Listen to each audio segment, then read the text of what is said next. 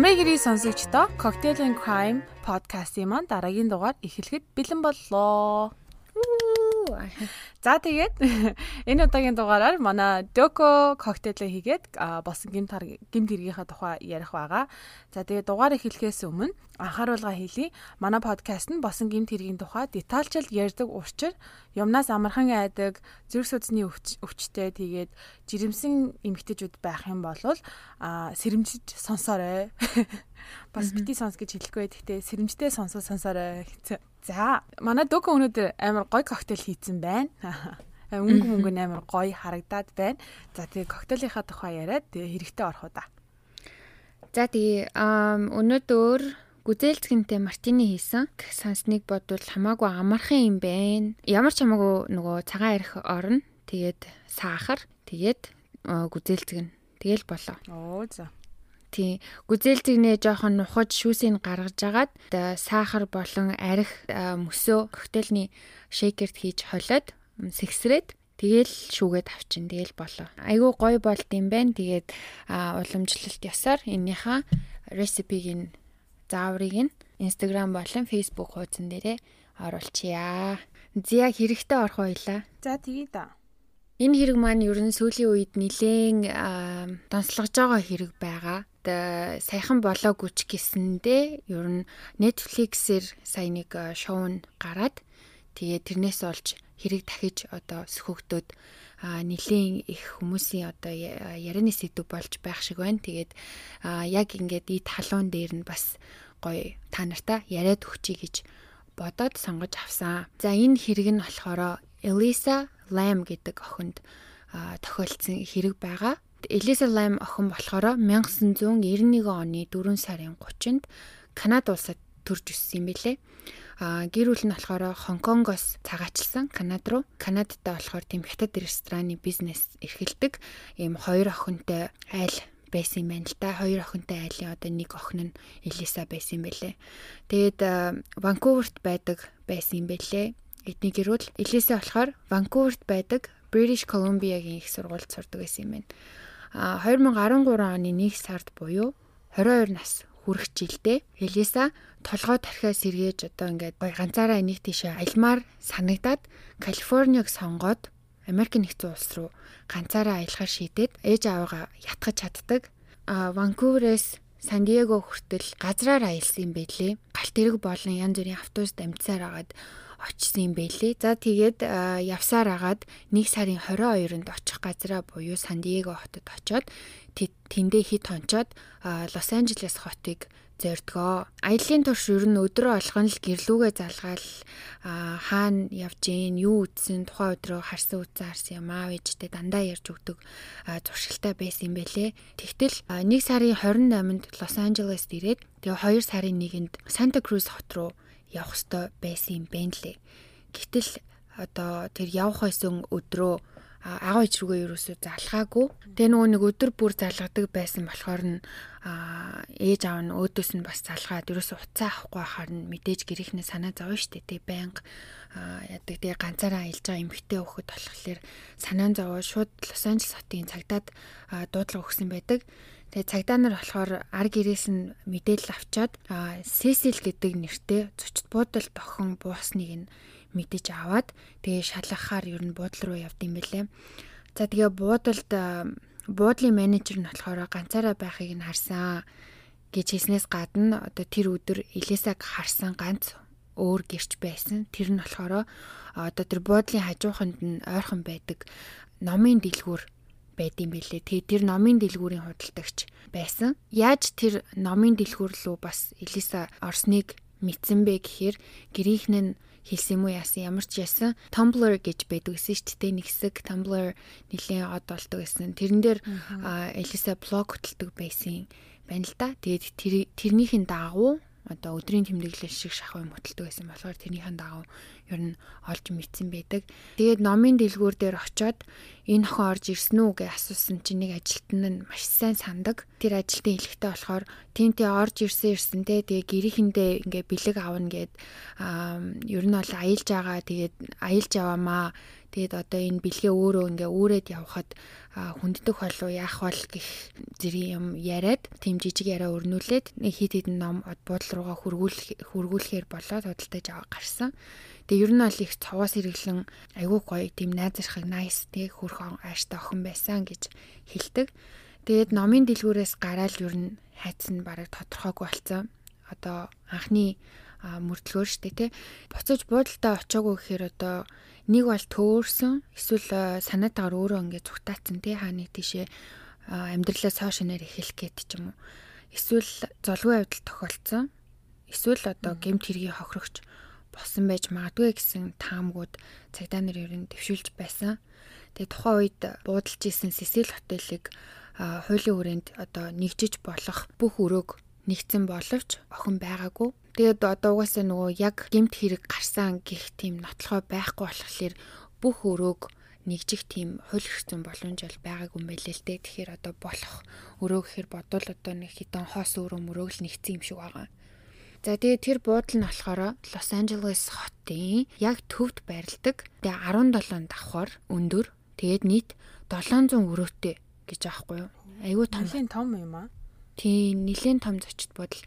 Тэгээ бас их хуучин 1924 онд баригдчихсэн хуучин тийм түүхэн буудал юм бэлээ. Охины блог энтриг нь уншихад ямар ч тийм амьдралаасаа залхсан, уйдсан, тэ цухтаамаар тийм сэтэлтэй ч юм уу, тийм хүний шинж тэмдэг ерөөсөө харагдаагүй. Тэгээд буусан байсан тэр Сесил хотел нь болохоор ер нь бол амар эвгүй газар байрлалтай байсан болохоор цагдаа нар гимт хэргийн хохирогч болсон байж магадгүй гэд ер нь их шуурхай ажиллаж хэлсэн л юм байлээ л дээ. За тэгээд яагаад эвгүй байрлалтай гэсэн гэхлээр Сесил хотел нь болохоор Skid Row гэдэг нэртэй тийм ер нь бол аюултай гэдгээрээ алдартай тийм хэсэгт байрладаг skid row гэдэг нь болохоор одоо neighborhood гэж ярьдаг те нэг хэсэг тийм гудамж. Тэгээд тэнд нь хөвчлэн гэр оронгүй хүмүүс болон хар тамхинд донтсон тийм хүмүүс хүнжил гудас майхантайгаа ингээ бөөгнөрч гисэн тэг ингээ зам давуу бүр ингээ баахан майхан игнүүлээд засчихсан тийм байдалтай амьдарцгаадаг тийм ядуу хүмүүс тэгээд хар тамхичд нэг дор цугларсан байдаг болохоор тэнд ер нь юу л юу болох боломжтой байдаг. Гимт хэрэг болохоор угаасаа маш их гардаг. Хэрцгий ялангуяа хэрэгүүд маш их гардаг гинэ. Тэнд ер нь ойролцоогоор 8000-аас 100000 гэр оронгуучууд яг тэр скидроу гэдэг хэсэгт амьдардаг. За тэгээд ер нь яагаад яг нэг ийм хэсэгт ингэж олноороо төвлөрсөн бэ гэхлээр Skid Row Лос Анжелесийн ихэнх одоо тийм гэр оронгуучүүдэд тусалдаг байгууллагууд байрлсан байдаг гинэ. Тэгээд тэрийгэ дагаад тусламж авах гэсэн тийм гэр оронгүй хүмүүс тэрийгэ дагаад тэндээ одоо хонж өнжөөд байсаар байгаад тэр нь бүр ингээд бараг байнгын оршин суугч чиг болцгооцсон тэр хүмүүс нь тэр гудамжинда гэр оронгүй хүмүүсээс гадна одоо шоронгоос дөнгөж гарч ирээд одоо очих газаргүй таних хөнгөө эсвэл одоо сэтгэц мэдрэлийн имлгээс гарч ирсэн бас гэр оронгүй очих хаяггүй хүмүүсийг аваачаад тэнд хайчдаг байсан гинэ. Тэгэхээр тэр их тийм сэтгцийн өвчтөй хүмүүс өлсөж байгаа гэр оронгүй хүмүүс хар тамхичэд биеийн үнэлэгчэд гих мэт маш их тийм хүмүүс нийт ор цугларсан учраас одоо гардаг гимт хэрэг нь бол маш өөр зэрэгт одоо өдөр болгон худалчунд цаг тутамл нэг юм болж идэг юм байна л та. Тийм учраас ер нь цагдаа нар тэр хавийг нэлийн хараандаа авч одоо сэжүүр хайж исэн охины тухай янз бүрийн юм гарч ирэх нү те янз бүрийн сэжүр гарч ирэх нү гэд нэлээд ойроос ажиглаж исэн юм бэлээ. За тэр хооронд нь цагдаагийн хоёр ажилтан Сесил буудлын хяналтын камерын бичлэгийг шалгаж исэн. Энэ үед бол Элисагаас сураг тасраад нэлээд тонцсон байсан. Буудлын давхар бүрт нь камер байхгүйгаас гадна зөвхөн одоо олон нийтийн хэсгүүд буюу одоо нэг буудлын хаалга, хүлээ авалтын хэсэг, тэгээд одоо цахилгаан шатны хэсэг гэх мэт ийм олон нийтийн зорчдог хэсгүүдэд л ганцхан камер байсан юм байна л да.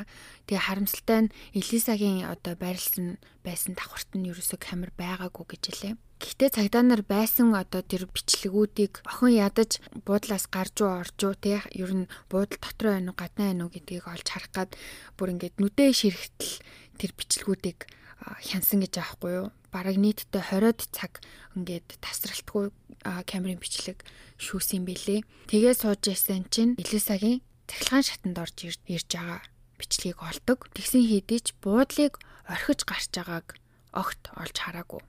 Тийм болохоор охин ер нь буудал дотор байгаа юм байна гэж тогтоодог. Тийм ч учраас шууд одоо тэр зочид буудлыг нэг нэгэнгүү шалгаж болно гэсэн зөвшөөрлийг тэр даруй нь аваад нийтдээ 14 цагтаа нар бүхэл бүтэн 10 хэдэн цагийн турш бас тасралтгүй тэр буудлыг өрөө бүрийг те өмнө нь одоо өрөө бүрийг шалгаж болох болохгүй байсан бол одоо бол бүр улан тохой бүрийг шалгах хэрэгтэйгээр бүгдийг нь одоо доороос нь дээш хүртэл шалгасан юм бэлээ. Тэгээд одоо нөгөө доотлын тэр хонглын өрөө дээдлийн дээвэр гэх мэт одоо ерөөсөө нэгч болон тохоо үлдээгээгүй өрөө бүрийн хувцсны шүүгээ 0 гээд ер нь бол үлдээгээгүй юм бэлээ. Тэгээд сургуультай нохоогоор үнрээр нь хайлгсан чинь таван давхрын коридорын цонхон дээр ирээ гацчихдаг нөгөө нохоо нь Тэгээд одоо дагаж явж исэн үнрээ алтчдаг. Тэгээд цонхоор үсэрсэн юм уу гэхээр мэдээж цогцолтоогүй те.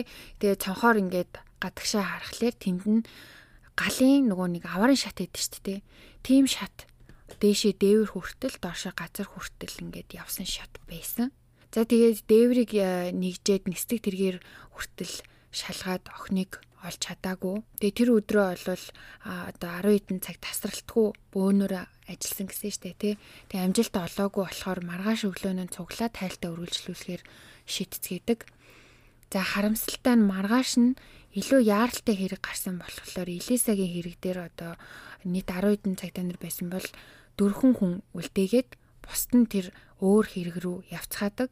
Тэр ямар хэрэг байсан гэсэн чинь яг тэр өдөр Christopher Dorner гэдэг нэртэй өөрөө цагтаа байсан залуу заяо. Тэгснээ гинет одоо өөрийнхөө хүмүүс рүү буюу цагтаа нар руу гал нээж эхэлсэн тийм хэрэг болсон. Тэгээд тэр хэрэг гарсан болохоор ер нь тийшээ хүн хүч нэмэхээр ихэнх нь явцгаасаа. Охин бол алга болоод одоогийн байдлаар 13 хоног хончихсан байсан. Хүн хүч багасчихсан. Буудлыг орхиж гараагүй гээд одоо буудал нэг нэгэнгүү шалгаад юу ч гарч ирээгүй те. Тийм болохоор аргаа хараад одоо ард иргэдээс тусламж гуйхаар охины хамгийн сүлд хадгалагдсан камерын бичлэгийг олон нийтэд ил болгож тавьсан юм байлээ. Тэгэл ер нь энэ хэрэг бүр амар алдартай гэх үү одоо ер нь бол маш хурд хугацаанд олон нийтэд хүрээд хүн болгон анхааралтай авч эхэлсэн байд юм лээ. Ер нь бол Америкч гэлтгүй олон улсыг хүртэл донслогсон юм байлээ. Бүх мэдээний сувгаар цацагдаад YouTube руу ч ихсэн ярьж эхэлсэн. За одоо тэр охины лефтний бичлэг нь болохоор нийтдээ 4 минутын бичлэг байгаа. Тэгээ цахилгаан шатанд ороод гардаг тийм бичлэг байсан. Тэгээ тэр бичлэгний холбоосыг одоо доотлын энэ description box-т тавьчих тий холбоосыг та хэд тэгээд яг одоо хоёрын одоо яриаг пауз хийж агаад ороод үтчихэд тэгээд эргээд ороод ирээрээ. За үзэх боломжгүй сонсож байгаа хүмүүст тайлбарлаж өгөхөд одоо лифтний хаалга ингээд онгож байгаа хгүй юу. Тэгэнгүүт Элиса охин улаан цамттай орж ирээд тэгээ лифтний конопнууд ингээд байд байгаа штэ тий. Тэгсэн чинь яг тэр голын конопнуудыг бүгдийн доош нь нэг нэгэнгүү дарж байгаа хгүй юу бүгдийг зэрэг Тэгэнгүүтээ одоо нэг хаалга хаахтыг хүлээгээд ингээд жирийн хүмүүс ингээд конопод арчи хойшоо ингээд зогсдөө штэ. Тэр шиг ингээд зогсож ийснаа зүг зүгээр ингээд зогсож ийснаа гинт хаалгаар ингээд гүйж очиж толгоогоо цухуулгангуудаа хоёр тишээ амир гинт тогтсон харж мараад тэгээ буцаж лифтэнд орсноо. Нэг тийм юмнаас нуудаж байгаа юм шиг булан руу шигдэж мэгдээд тэгэж байж ийснаа ахиж цухууж толгоогоороо цухууж хараад. Тэг гинт ингээ өсөрч гарч мараад нэг сонин тэгснээ лифтний гадаа хэсэг одоо хан налж зогсож нь буцаж лифтэндээ орж ирээд. Ахиж баахан коноп нэмж дараад тэгэнгүүтээ буцаж гарч зогсож ирснэ гинэт одоо нэг юм хин юм ингээ мэдрэх гээд байгаа юм шиг гараа ингээд саруулзуулж байгаа хгүй юу? Тэр нь одоо нэг зүйлээ илгээд одоо нөгөө зүүн бэлгийн тулаан гэх нэвтрүүлгээдэг шүү дээ тэрэн дээр ингээ үзмэрчүүд ингээл юм уу мэдрэхгээл алгаа ингээ хэлээдэг шүү дээ яг тэр шиг ингээ хоёр гараа ингээд саруулзуулаад тэгж байснаа гинт цаашаа алхаад яваад өгдөг Тэгээ хүмүүсийн анхаарлыг ер нь маш их татсан юм нь бол Элиса лифтнээс орж гараад ингээд янз янз болж байгаа хооронд нийтдээ ер нь 2 минут 30 секунд болж байгаа хгүй. Тэр үед лифтний хаалга юусоо огт хаагдаагүй. Ингээд за яг мэдрэгчтэй лифтнүүд байлаа гэхэд нэг баг зэрэг хаагт гал ирэнгүүд одоо ингээд гар хөлөөрөө ингээд тэглүүлчингүүд буцаал онгодог штэ тий.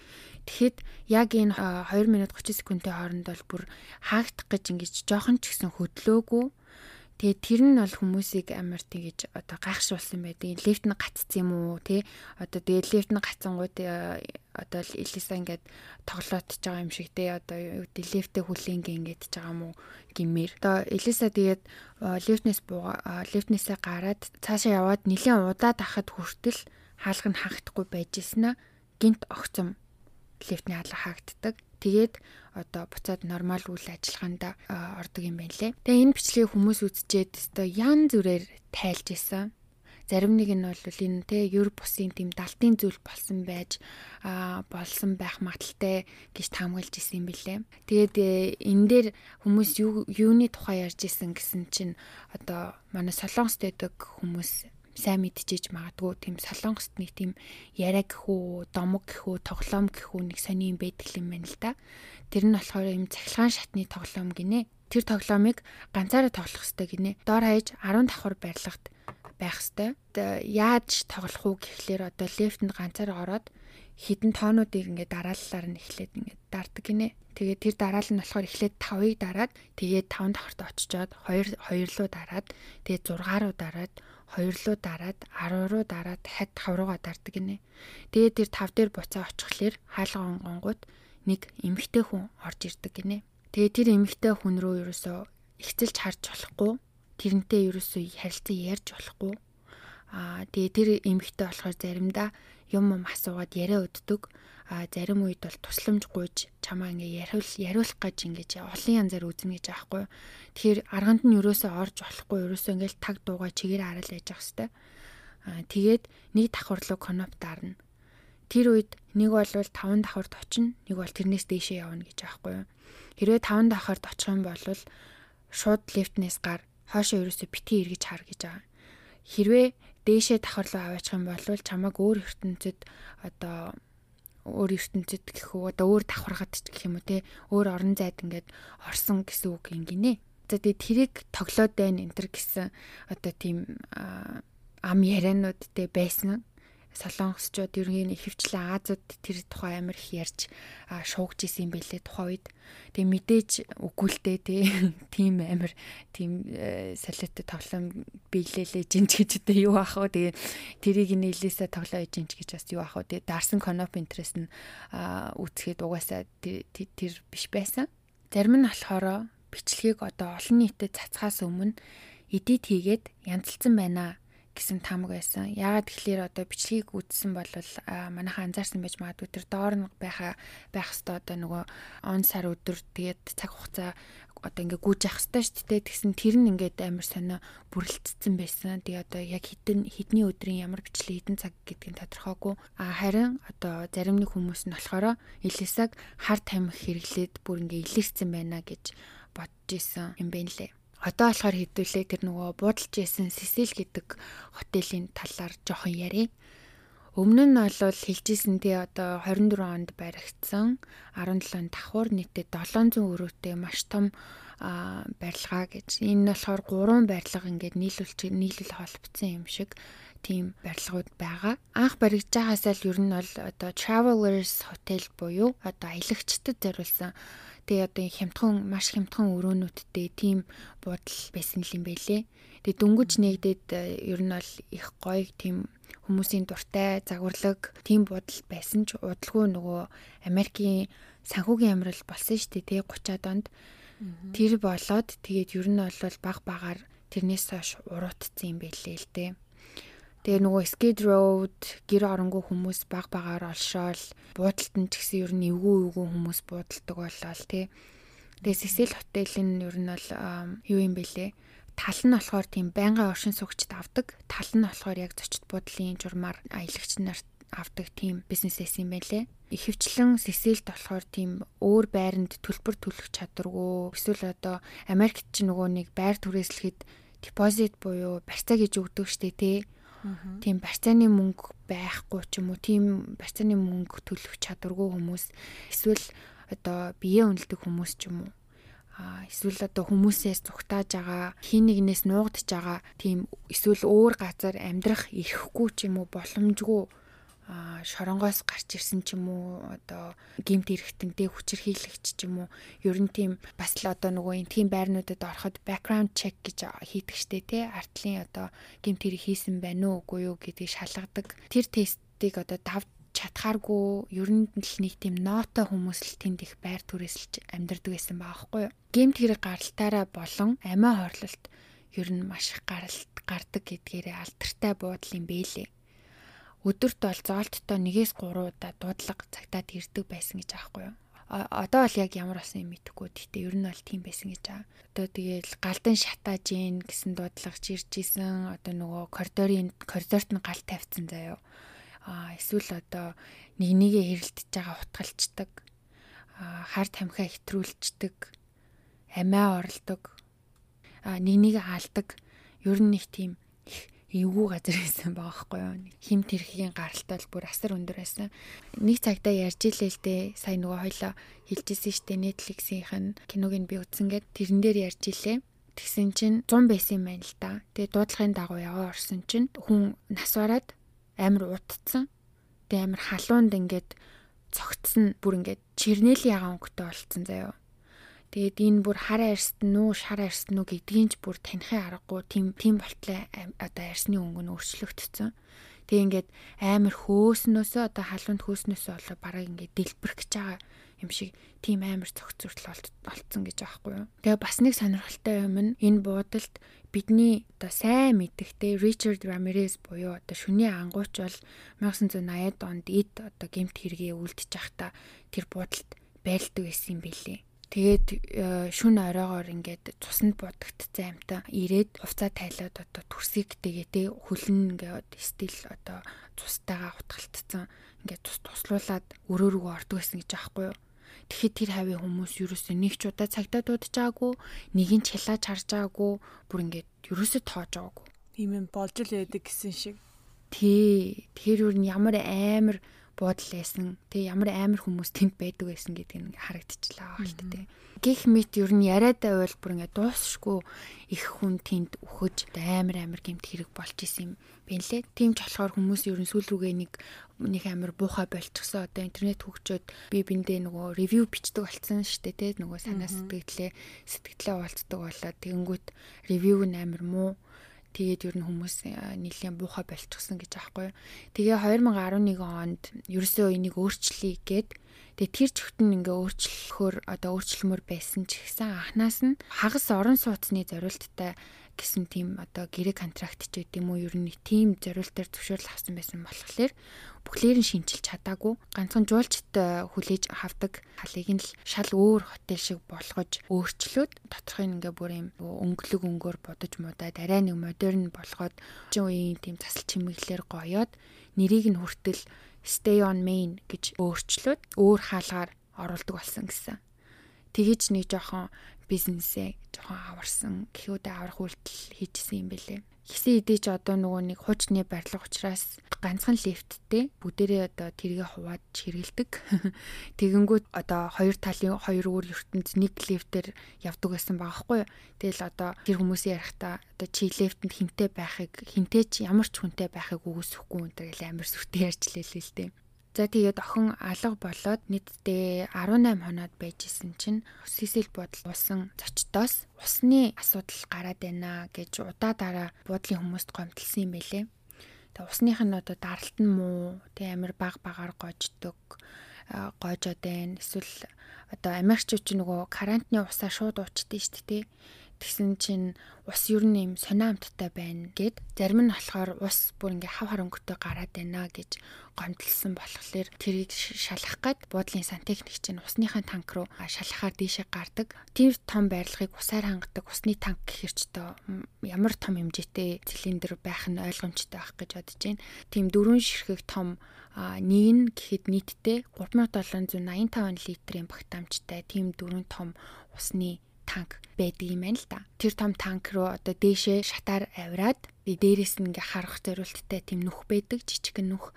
Тэгээ тэрүүгээр ингээ шагаа харсан чинь хүний цогцос хөвж байгааг хардаг. Тэгээд мэдээж тэр сантехникч тэр дорн цагтаа дуудсан. Тэгээ цогцыг гимтээж эд мөрийн баримтыг устгахгүй тулд усын юулээд тэр доор нь одоо ингээд усын юулэхэр чи одоо цогцос нэлийн доошлоод бүр ингээд шалан дээр ирнэ шүү дээ. Тэгээд тэр доор нь нүх зүсэж цогцыг гаргаж авдаг авсан юм байна лээ. Тэгэхгүй бол одоо дээрээс тэр нүхээр нь мосоор ч юм уу яаж игээ татаж аваа гаргаж ирэх гэхэд та гарна гэж үтсэн юм лээ. Одоо цогцыг янз бүрээр гимтэх ч юм уу, тэ эд мөрийн баримт устгах ч юм уу. Тийм болохоор тэгж айгу болгоомжтойгоор гаргаж авсан. Цогцос болохоор ер нь бол чармаа нүцгэн нилээн муудаад ногоорсон байдалтай. Тэгээд ямар ч тийм гадны нөлөөний шинж тэмдэггүй.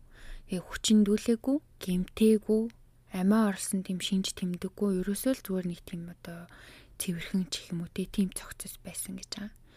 Тэгээ сони юм нь болохоор нөгөө чармаа шалтан байсан гэсэн шүү дээ. Тэгсэн чинь хувцс өмсөжсэн хувцснууд нь тэр усны танкантай хамттай байсан. Гар утас нь бол ерөөсөө олдоогүй. Одоо энэ цогцос бол угаасаа Элисагийн цогцос гэдгийг манайхан ойлгож байгаа байх. За тэгээд охины цогцос олдоод телевиз, радио, интернет гэл баахан шуугаал яхаараа ерөн чармаа нүцгэн байдیں۔ Амиа орлох байсан бол яхаараа тийм сонин ус руу унжидیں۔ Цанхоорл үсрэн нэцтэй энтер гэл те маш их тийм аргументууд гарч ирсэн.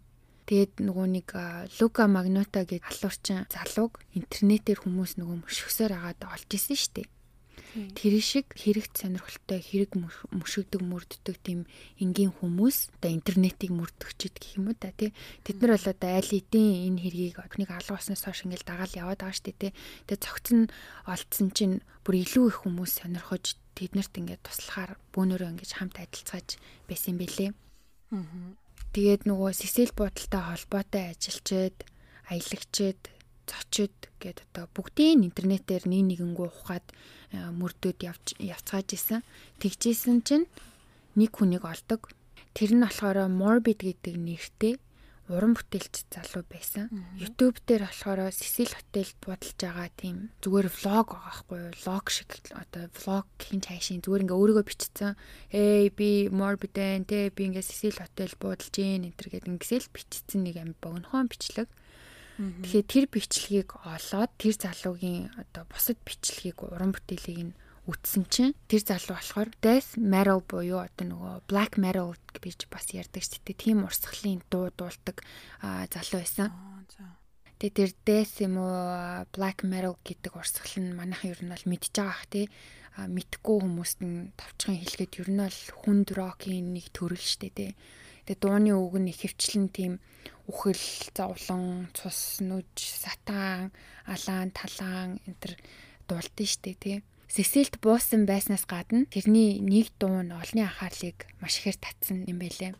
Тэгээ тэр дууны клип нь болохоор Элисаг нас барснаас 2 хоногийн дараа интернетэд тавигдсан байсан. Тэр клипэн дээр нь болохоор нэг охин ой модон дунд ингээл нэг хүнээс цугтаагаал гүүгээл байгаа хгүй. Тэгээ гүүсээр агаад дуу дуусгаад алуулаад дуустдаг. Тэгээ бас нэг видеон дээр болохоор morbid ингээ нүүрэндээ цус ингээд нялцсан чим шиг ингээд цус урсцсан чим шиг ингээд будагч ахaltaад бодвол те ингээд бутцсан. Тэгээд ийм амар царайтай үсмэсэн унжуулсан. Тэгээс хууж байгаа бичлэг нь байсан. Тэр нь болохоор дууны клип энтер биш зүгээр л бичлэг бас л нөгөө Сесил хотелийн байгаагаа биччихсэн шиг адилхан.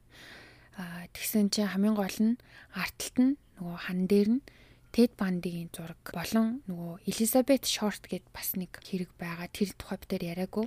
Гэхдээ бас нэг алдартай Black Dahlia гэсэн нэрээр алдарсан бас нэг хэрэг байдаг. Тэгээд Тед Банди Элизабет Шорт хоёрын зургийг арталтаа тавьсан байсан нь амар тийм хүмүүсийн анхаарлыг татсан л да. За нэгдүгээр далуурч чинь те Тед Банди, хоёрдугаарт нөгөө тэр Black Dahlia гэдэг хүүхэн болохоор учир битүүлгээр амь насаа алдсан. Одоо хүртэл хэргэн тайлагдаагүй шүү дээ тий. Тэгсэн чинь тэр хүүхэн нас орохоос хэдхэн хоногийн өмнө Сесэлдэлийн нөгөө нэг баарн дээр юм уугаа сууж исэн гэж хүмүүс тийм хүмүүсийн яриа байд юм байна л та. Тэнгүүд ингээд Сесэл хотелтэй бас ингээд холбогдчихж байгаа байхгүй.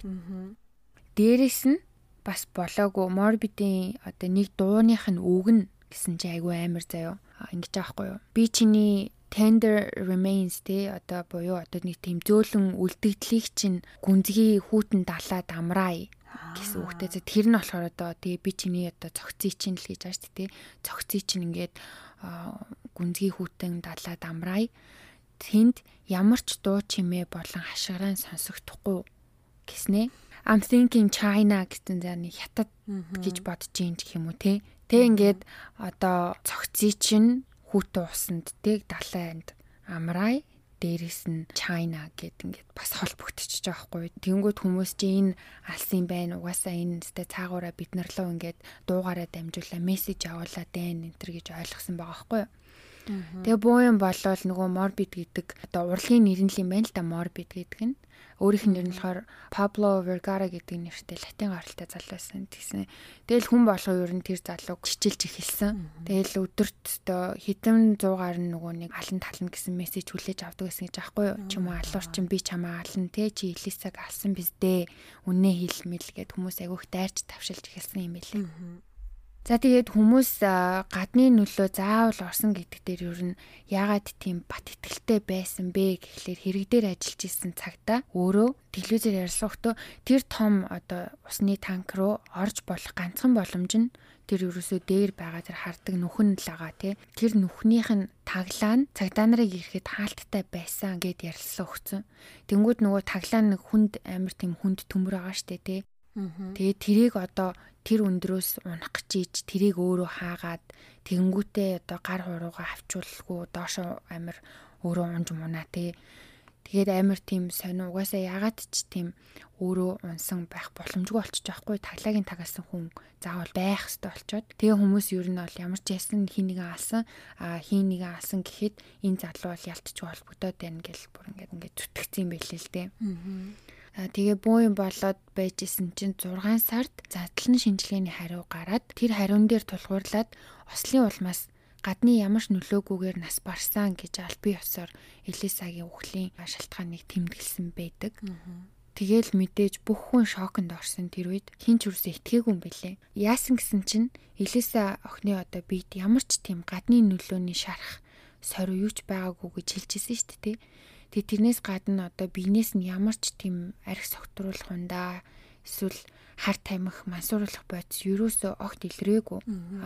Харин юу байсан гэхээр өөрийнх нь нөгөө эмчийн завраар уудаг эмнүүд нь л байсан. Гэхдээ айгүй бага хэмжээгээр байсан. Одоо эмээ хэтрүүлж уугаад үхсэн юм уу гэвэл үгүй. Тэгэхээр ямар ч тийм эмгийн эмний хордлогонд ороод ч юм уу амь насанд нь хүрэхээр тийм их хэмжээний эм бол байгаагүй.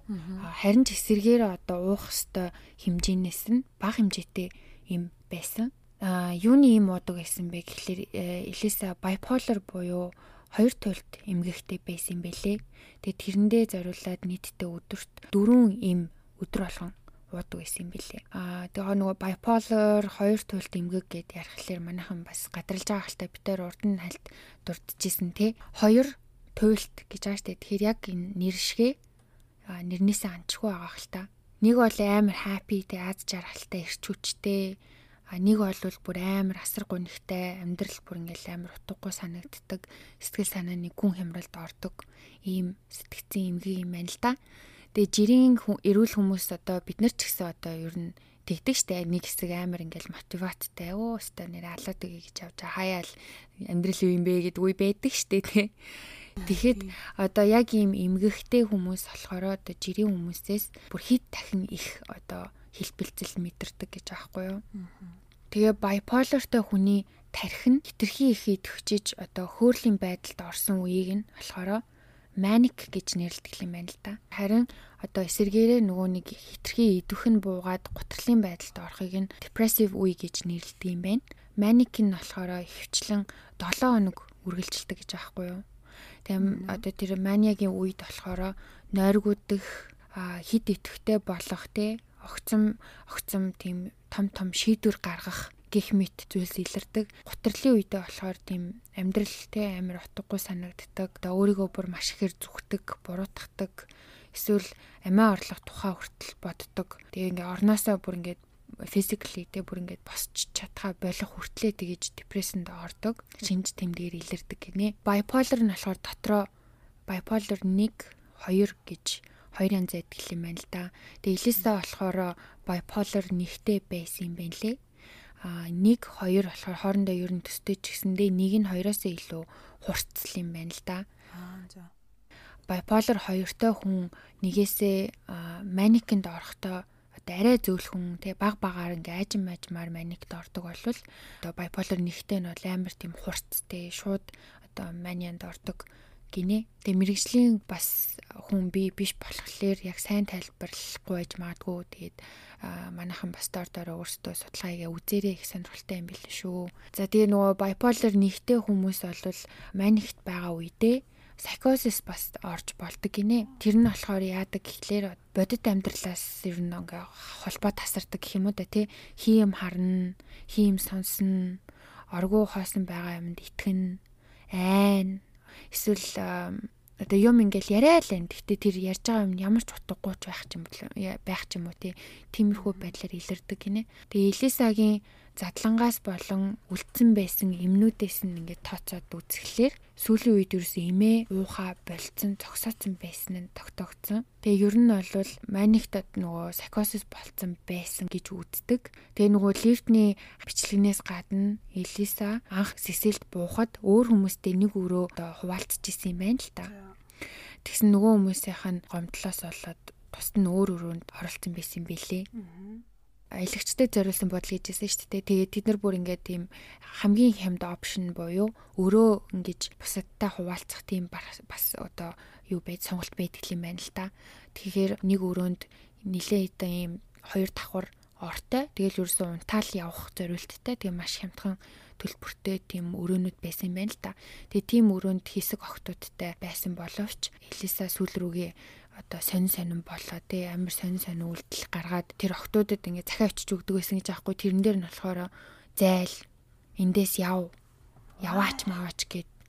Тийм тийм бичээд ингээд ор морон дээр нь тавьчдаг байсан гэж аахгүй юу? Бас нэг удаа юу яасан гэсэн өрөөндөө нөгөө охтуудынхаа нэг юм ч юм уу орох гээд хаалгаа ясан чинь дотроос нь чойжилж өөрөөс хаалгаа онгойлохгүй байсан гэсэн гих мэтчлэн одоо ингээ бусдад айгүй төөг учрууладсан болохоор охтууд нөгөө гомдол гаргаад бодлын менежмент цаанаас нь өөр өөр гаргаж өгсөн юм байна л да. Тэрнээс гадна нөгөө бодлын менежер нь бас тэгж хэлчихсэн. Нэг удаа ресепшны тэр хэсэгт нь тэ хүлээлгийн хэсэгт нь генет голтон зогсчихсон ойрлж морилоод байсан гин л дээ.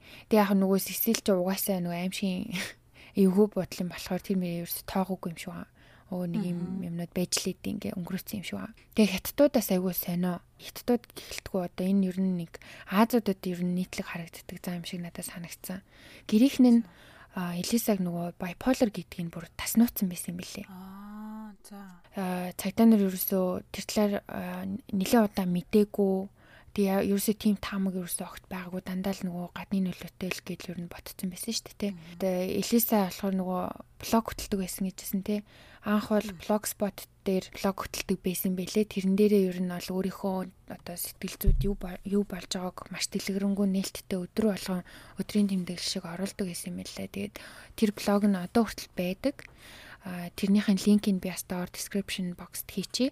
Та хэд орой сонирхорой. Тэр blogspot-оо хөтлж агаад болоод Tumblr руу шилжээд даг байсан юм байлаа л дээ. Тэгээ Tumblr дээр болохоор яг тэр урдны блог шигээ одоо өөрийнхөө сэтгэл зүйд болж байгаа юмыг өдөр болгон бичихгүй ч гэсэн нэг арай нэг тийм фэшн талтай гоё хувцс мовц загварын тийм зургнуудыг постлдог тийм байсан юм лээ. Тэгээ тэр нь бас байлаа. Би бас линкийг тавьчих. За тэгээд тэр ер нь блогноос нь бичсэн юмнуудаас нь харж ич шинжилж ич ер нь бол ямар хурцтмал байсан те ямар байдалд байсан гэдгийг сэтгэл санааг нь ойлгох ойлгосон хүмүүс. Маник үедээ гинт сонин сонин шийдвэр гаргадаг амар энергитэй болол амар энержетик болчдөг гэсэн шүү дээ тэр үедээ яг маникинд ороод тэгэл юусоо ганцаараа аялын маялээ өө өстө амьдрал гоё сайхан гэж явж исэн юм шиг байгаа Тэгээд нөгөө нэг өөрөө дээшээ гараад ус руу өөрөө унаад өгчихсэн гэхээр хүмүүс бас яаж тэгвэл дээшээ гарсан те? Бүх одоо буудлын тэр дээшээ гарах гарцууд бүгдээрээ цоочтой цоожгүй нэг нь болохоор тийм тохиолтой аваарын тохиолтой. Тэгээ тэр тохиолыг унтраахын тулд бас түлхүүрдчихэж унтраадаг. Тэгээ тэр түлхүүр нь одоо зөвхөн буудлын ажилчдад одоо менежер болон сантехникч ч юм уу те security гуравтал байдаг. Тийм учраас одоо охин яаж дээшээ гарсан байх уу мах уу гэж зөндөл хүмүүс асуудал төвшүүлж исэн. Тэгээ нөгөө нэг нохоо нөгөө таван давхар цонхон дээр очиж гацсан гэжсэн шүү дээ. Тэгээ тэр галын аваарын шатаар дээшээ хүмүүс тушилт олоо гараа үтсэн чинь амархан биш ч гэсэн ер нь бол гарахад боломжтой байсан юм бэлээ. Тэгэхээр ер нь бол таамаглал бол одоо тэр лефтийн бичлэгнээс шууд цаашаа яваад алхаад цонхоор гараад тэгээ дээшээ өөрөө гараад усан танк руу тэр бас авирдаг шаттай тэгээ өөрөө гараад үсэрсэн болж таарж байгаа. Аа. Тэгээд нөгөө нэг усан танкны нөгөө нэг хардаг нүхнийх нь таг нь хаалттай байсан гэж цагдаа нар хэлээл ажилч нь болохоор намайг очиход онгорхоо байсан гэлсэн шүү дээ тий. Тэр болохоор ажилчны хэлснээр онгорхоо байсан байж таарсан. Цагдаа нар буруу ойлголцсон байж таарсан. Тэгээ ер нь бол гэрийнхэн нь ч гэсэн сүлт хэлэхдээ Элиса урд нь хин юм хардаг байсан гэрээсээ бас нэг удаа алга болж исэн, эмнэлэгт хүртэл хэвтчихсэн гэж хэлдэг. Тэгээд их чинь бас Элисаг маник тахтай тий юмнаас айж хийм сонсоод чамаг ингээд авах гэж ин чамаг барих гад ингээд хүмүүс хөөжин мүүжин гэдэг юм сонсдог байсан. Тэгээд тэрнээсээ ингэж нуугдаж орон доормоор ордог байсан гэж аахгүй. Тэгэхээр хүмүүс одоо мэржлийн хүмүүсийн үзэж байгаагаар бол ер нь бол яг тийм юм болоод одоо нуугдах гад нуугдах хамгийн бест газар нь гэвэл одоо тэр усан танк байж таарсан юм шиг байгаа зайлвал яг тэр одоо тэр үед нь. Тэгээ нөө нэг чармаа шалтан хуцаа тайлцсан байсан гэсэн шүү дээ.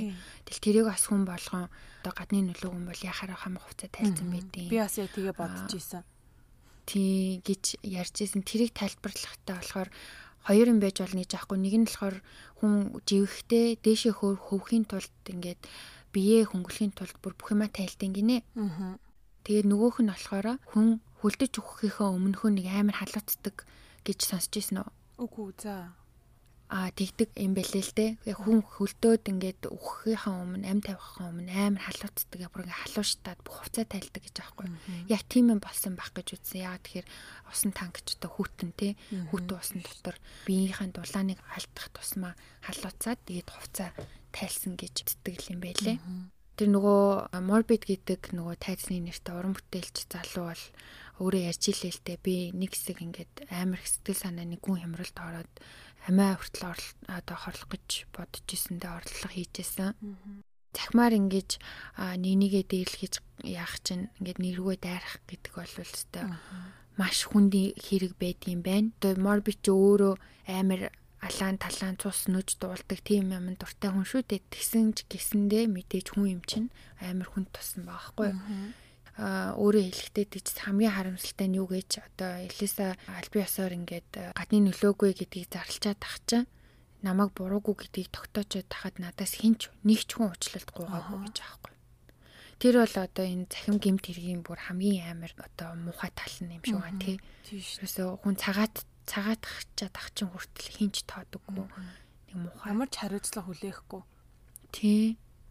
Тэгээд саяхан нөгөө юугийн YouTube-ыг би бас ухаад үзчихсэн аахгүй. Тэгсэн чинь нэрээ солилцоо илээ өөрийнхөө жинхэнэ нэрийг тавьчихсан. Тэгээд өчигдөр буюу одоо 2 сарын 24-нд нэг бичлэг хийсэн байсан. Тэг өөрхийн хамтаа баярлаа.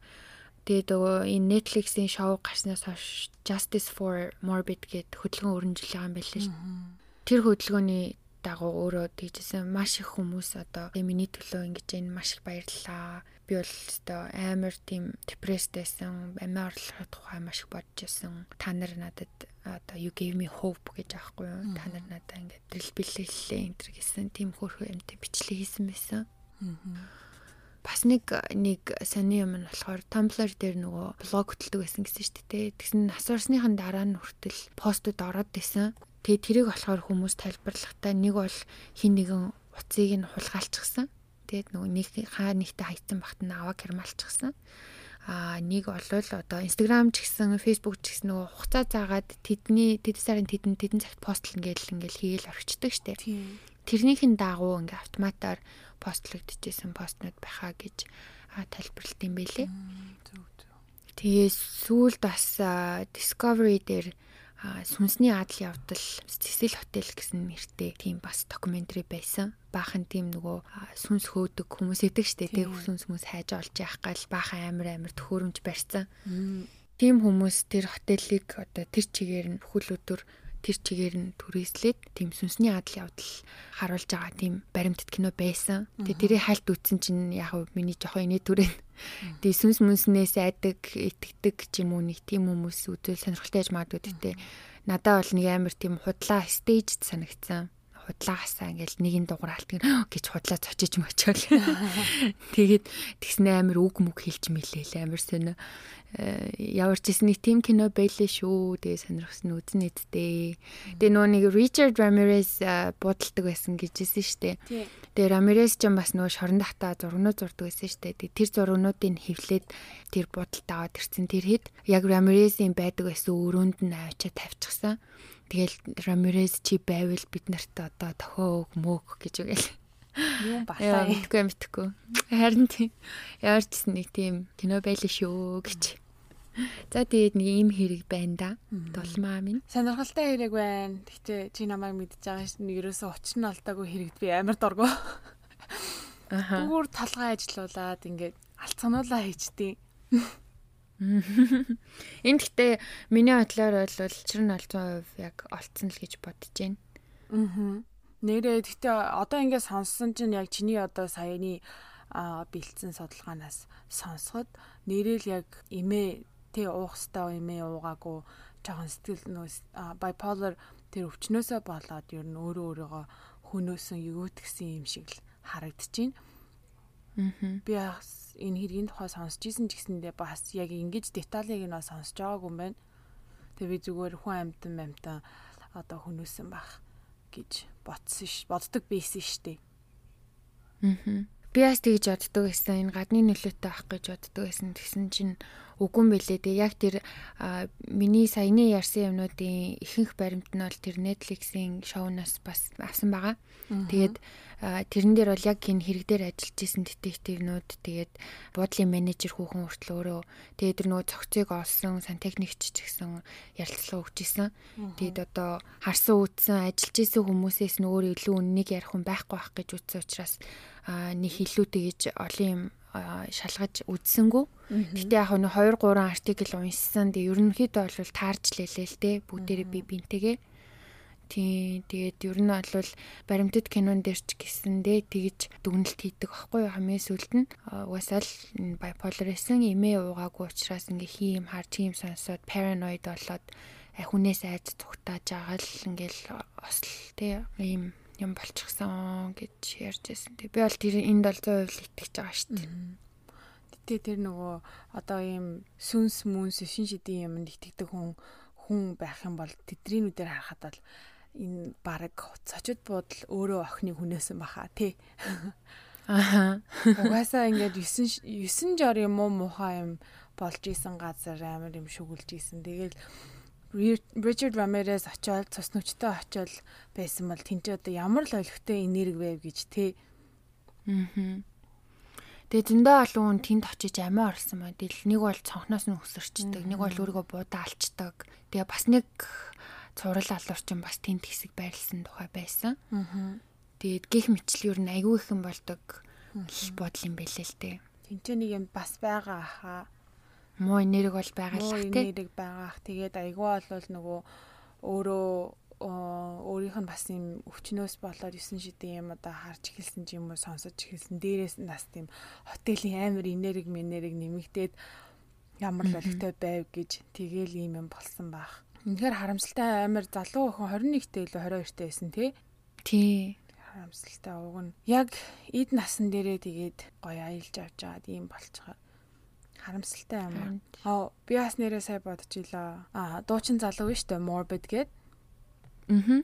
Тэр залууг ингээл олон нийтээрээ те интернетээр ингээд захим захин мэдээллээр эсвэл хувь хүмүүс ч гэсэн бичээл ингээд чамайг алан тална гээл death threat явуулаад сэтгэл санаагаар нь ингээд амар унгаагаал те тэрний тухай бас аим сонсогч нартаа зүгээр сануулъя гэж бодлоо одоо өсвөр насны дүүтэй ч юм уу хүүхэдтэй хүмүүс ах юм бол бас юм цахим ертөнцийг нь бас жоохон хянжаахгүй бол бас яг одоо Монголд бас арайч тийм биш байх л та. Гэхдээ сүүлийн хэдэн жил бол сошиал медиа захим ертөнц бол амар эрс одоо хөгжсөн штэ. Тэгэл хүүхэд болгоно л инстаграмтай болцсон. Хүүхэд болгоно л фейсбુકтай болцсон тий. Эсвэл өөрсдийнх нь хэрэгэлдэг хоорондоо ярьдаг тийм чат мат групп мөрөвтэй болцгооцсон тийм үед ер нь жоохон одоо фильтртэй хандж авахгүй бол бас ангийнх нь хүүхдүүд дээрлэж байгаа ч юм билүү одоо Америкт ч угаасаа cyber bully тий захим одоо доромжлол дээрлэхүүл бол өстэй амар штэ. Аа. Тэгэл нөгөө нэг нэг нэгнийгаа юу яагаал аа тий тэр бол ийм энэ бол ийм гэл эсвэл ингээд нэг найзтай зүгээр ингээл нууцаа нууцлж явдаг юм аа ингээл итгээ хилцэн чинь тэр нь цаашаага хилээл ингээл цахимаар ингээл хамаг юмыг дийлгээл хүүхдийн сэтгэл санаагаар амар унгаал сүүлийн хэдэн жил Америкт бол бас маш олон тийм өсвөр насны хүүхдүүдийн дунд амиа хорлолт амар их гарч исэн. Бүр 12 та хүүхдүүд 10 марвтай хүүхдүүд хүртэл бүр тийм юм болж исэн. болохоор одоо манай Монгол бас нэг амар одоо цахим ертөнцийн хувьд бол нэг амар хол биш байгаа шүү дээ тий. Одоо хоцрогдоогүй гэх юм уу да. Одоо хамтдаа явж байгаа болохоор хөгжиж байгаа болохоор тиймэрхүү юм дээр бас анхаарахгүй болвол цаанаас нь яаж ах юм бэлээ гэж боддөө шүү дээ. Монголд э, хол биш бүр ороод ирсэн гэдгийг сая нотлогдсон шүү дээ. Ягаад санаж гинөө нөгөө Mrs M биш дээ rapper. Аа тэр чинь нөгөө нэг солонгос дуучныг жоохон ингээд муухаар хилцэн чинь тэр солонгос дуучныг нь шүтдэг гэд жоохон жоохон хүүхдүүд чинь бүр алхаа шахайттай бурхан минь. Тийм штэ. Одоо тэгээд өөрөөс нь ихчмэд хүмүүсийг хүмүүнийг бол хүнлэхгүй ингэж байгаа бол үеийнхнийхээ бол тэр хүчтэй алж байгаа. Тэгэл тэр нь тийм энийн тийм одоо тэгэл өсвөр насны хүүхдүүд чи хоорондоо үерх нь тэгэнгууд нөгөө нэг одоо үерхчихсэн банд нь ч юм уу үерхчихсэн охин нь очил цаашаага ингээл сасныхаа дараа ч юм уу ямарваа нэг юм яриад тэрнээс нь ингээл үүсвэрлээд бас юм цахим булли те сайбер булли юм цахим дээрлэхэлт гэх юм уу хайшин. Аа. Тиймэрхүү юм бол угаасаа гарах бол магадлал бас угаасаа амар өндөр байгаа тий. Тийм болохоор одоо энэ хүүхдүүдтэйгээ бас ингээд ярилцах хэрэгтэй юм шиг байгаа. Цахим ертөнд чи ийм ийм Тэгээ угаасаа хүн компьютерийн цаанаас дэлгэцний цаанаас угаасаа юу гэж солиордог үлээ дээ тий. Тэгээд эцэг эхчүүд ч гэсэн хүүхдүүд нь сургууль дээрээ ингэж дээрлэхүүлээд байна. Тэгээд энэ гэхээр чи тэгээд та арчаагүй өнтер гэж одоо гүрийн мүрийг гихгүй өөрөө уучраа бол найзуудтайгаа найзал майзал гэж хүүхдээ зовоолгүйгээр зүгээр айл болох шилжүүлээд холдуулаад яах хэрэгтэй байдаг юм шиг байлээ. Тийм бах уу. Тийм тэггүй бол чи наадхантайгаа нүүр туул мул гэд ингээд ягаад тахаар хүүхчин бүр идэгцээр имтэрсээр тэгээ бүр нөгөөх нь сэтгцэд нь нөлөөлчих юм билүү тэгээ бас болгоомжтой бөгөөд сенситив хандаарэ гэж хэлмээр байна. Одоо үе яад юм байгаа намайг чинь жоохон 10 жил байхад дээрлхүүлэл ихчтэй очиж илэнгууд манай ихч очиж самарчдаг гэсэн шин. Тэгэл одоо над чиг өөрөө ганц нөгөө жоохон дүүтэй мүтэй хүн бол надад самраад өгөх их чах байгаагүй учраас яах вэс юм баха мэдхгүй дээ. Тим хүмүүсд байдаг байлгүй дээ. Йоо ядж хахад нөгөө нэг амар дээрлхүүлдэг хүүхэд байсныг хэлэхөө очиад ихчтэй хэлнэ. Манай ихч маргааш нь очиад ээж аваад одоо тэр бүгдээрэндээ чинь яриа хариуцлага хүлээнэ гэд амар тэгдэг байсан. Тэгээд манай ихч амар юм болохоор амар юм болохоор дахиж хизээж дэрлэхүүлдэггүй байсан. Нэг дэрлэхүүлээ загнуулсан хүмүүс дахиж намаа хизээж дэрлэхдэггүй байсан. Долмаг ихч аим амар ихч хурж ирээ самарчин юм. Манай сургуулийн захирлыг хүртэл самарч исэн шин. За тэгээ дүүнэртэй болол бас тийм гоё ах ихч нар байгаарэ гэсэн үү. Аа. Арай жоохон буунхан айманд уриалчгүй яав очиод хүмүүс самраад ээ гэдэг юмд уриалчлаа. За. А манайхны бас нэг дуртай нөгөө нэг цуврал кино штэ American Horror Story. Тэрэн дээр бас нөгөө урднаас ярьжсэн дээ Hotel Cortez гэдэг 5 дахь улирлал дээр гардаг зочд буудлаас энэ Cecil Hotel-с бас сэтэлсэн юм байлээ. Тэгээд нөгөө H.H. Holmes-ийн барьсан нөгөө өөрийнх нь бас нөгөө амар байшин биш үү тий. Ингээд төөрж мөрөө алга болоод ингээ хан ман гарч ирдэг. Тэр хотел тэгээд энэ Сесил 2 2 2 хотелээс inspired юм билээ л тий. Хоёлангаас нь санаа авч бүтээсэн. Тэгээ яг тэр Сесил дээр зураг авалт хийсэн юм уу гэсэн чинь үгүй юм байлээ. Өөртөө тэрийг барьсан юм байлээ. Тэр үнэхээр гоё сизон тий. Тий. Тэгээ нөгөө нэг юуг нь үдчихсэн чинь тэр яг тухайн үед Сесил хотелд буудалж исэн нөгөө аялагч нар хоёр аялагчийг авчиад ярилцлага өгүүлсэн байхгүй юу. Тэгсэн чинь ус нь амар өөр амттай байсан гэ яриад байгаа юм чинь. Тэгээ одоо өсөөний цогцостой ус ууцсан. Зөндөө олон удцсан ус ууцсан. Амар муухай. Лала. Йоо би яг тэрийг чинь бодож исэн. Oh my gosh та тэр хүмүүс дараа нь одоо энэ цогцтой ус уусан гэдэг одоо ямар сэтгэл төрсэн болоо борхон байна. Аа. Үнэхээр сонирхолтой хэрэг байлаа. Бас миний хувьд ч гэсэнээ харж байгаагүй өнцгөөс нь харж энэ хэргийг бас өөрийнхөө өөрөө өөртөө ингээд тайлахад бас хүргэлээ гэж би дүгнэлтэнд хүрж байна. Манай сонсогч нарт бас амар таалагдсан байхаа. Угаасаа амар их юу ирж исэн те request ирж исэн. Машиглан хүсэлт ирж исэн. Энийний тухай яриад өгөөч ээ. Уул нь үдчихлээ. Даанч нөгөө нэг хэл сайн биш болохоор англиар нь сайн ойлгохгүй байна. Та хоёр яриад таач гэдэг чийсэн манай дөкөө ингээд яриад учрыг нь тайлаа жанцныг нь олчих шиг боллоо. Энэ удаагийн дугаарыг дуустал нь сонссон хүн хэн блэ? Дөкөө MVP. Е. Е. Е. За тэгээд а хэрвээ таалагдсан дуус энэ дугаарыг дуустал нь сонссон бол лайк даруу лайк дараа, дислайк даруу дислайк дараа. Тэгтээ дислайк дарахгүй байсан ч болно. манай YouTube-ийн channel subscribe хийгээд бит хоёрын хийж байгаа юм таалагдж байгаа бас хүмүүст хүргэе гэж бодвол share хийгээрэй. Аа. За тэгээд дараа дараагийнхаа дугаараар дахин уулзтлаа. Түр баяртай. Bye.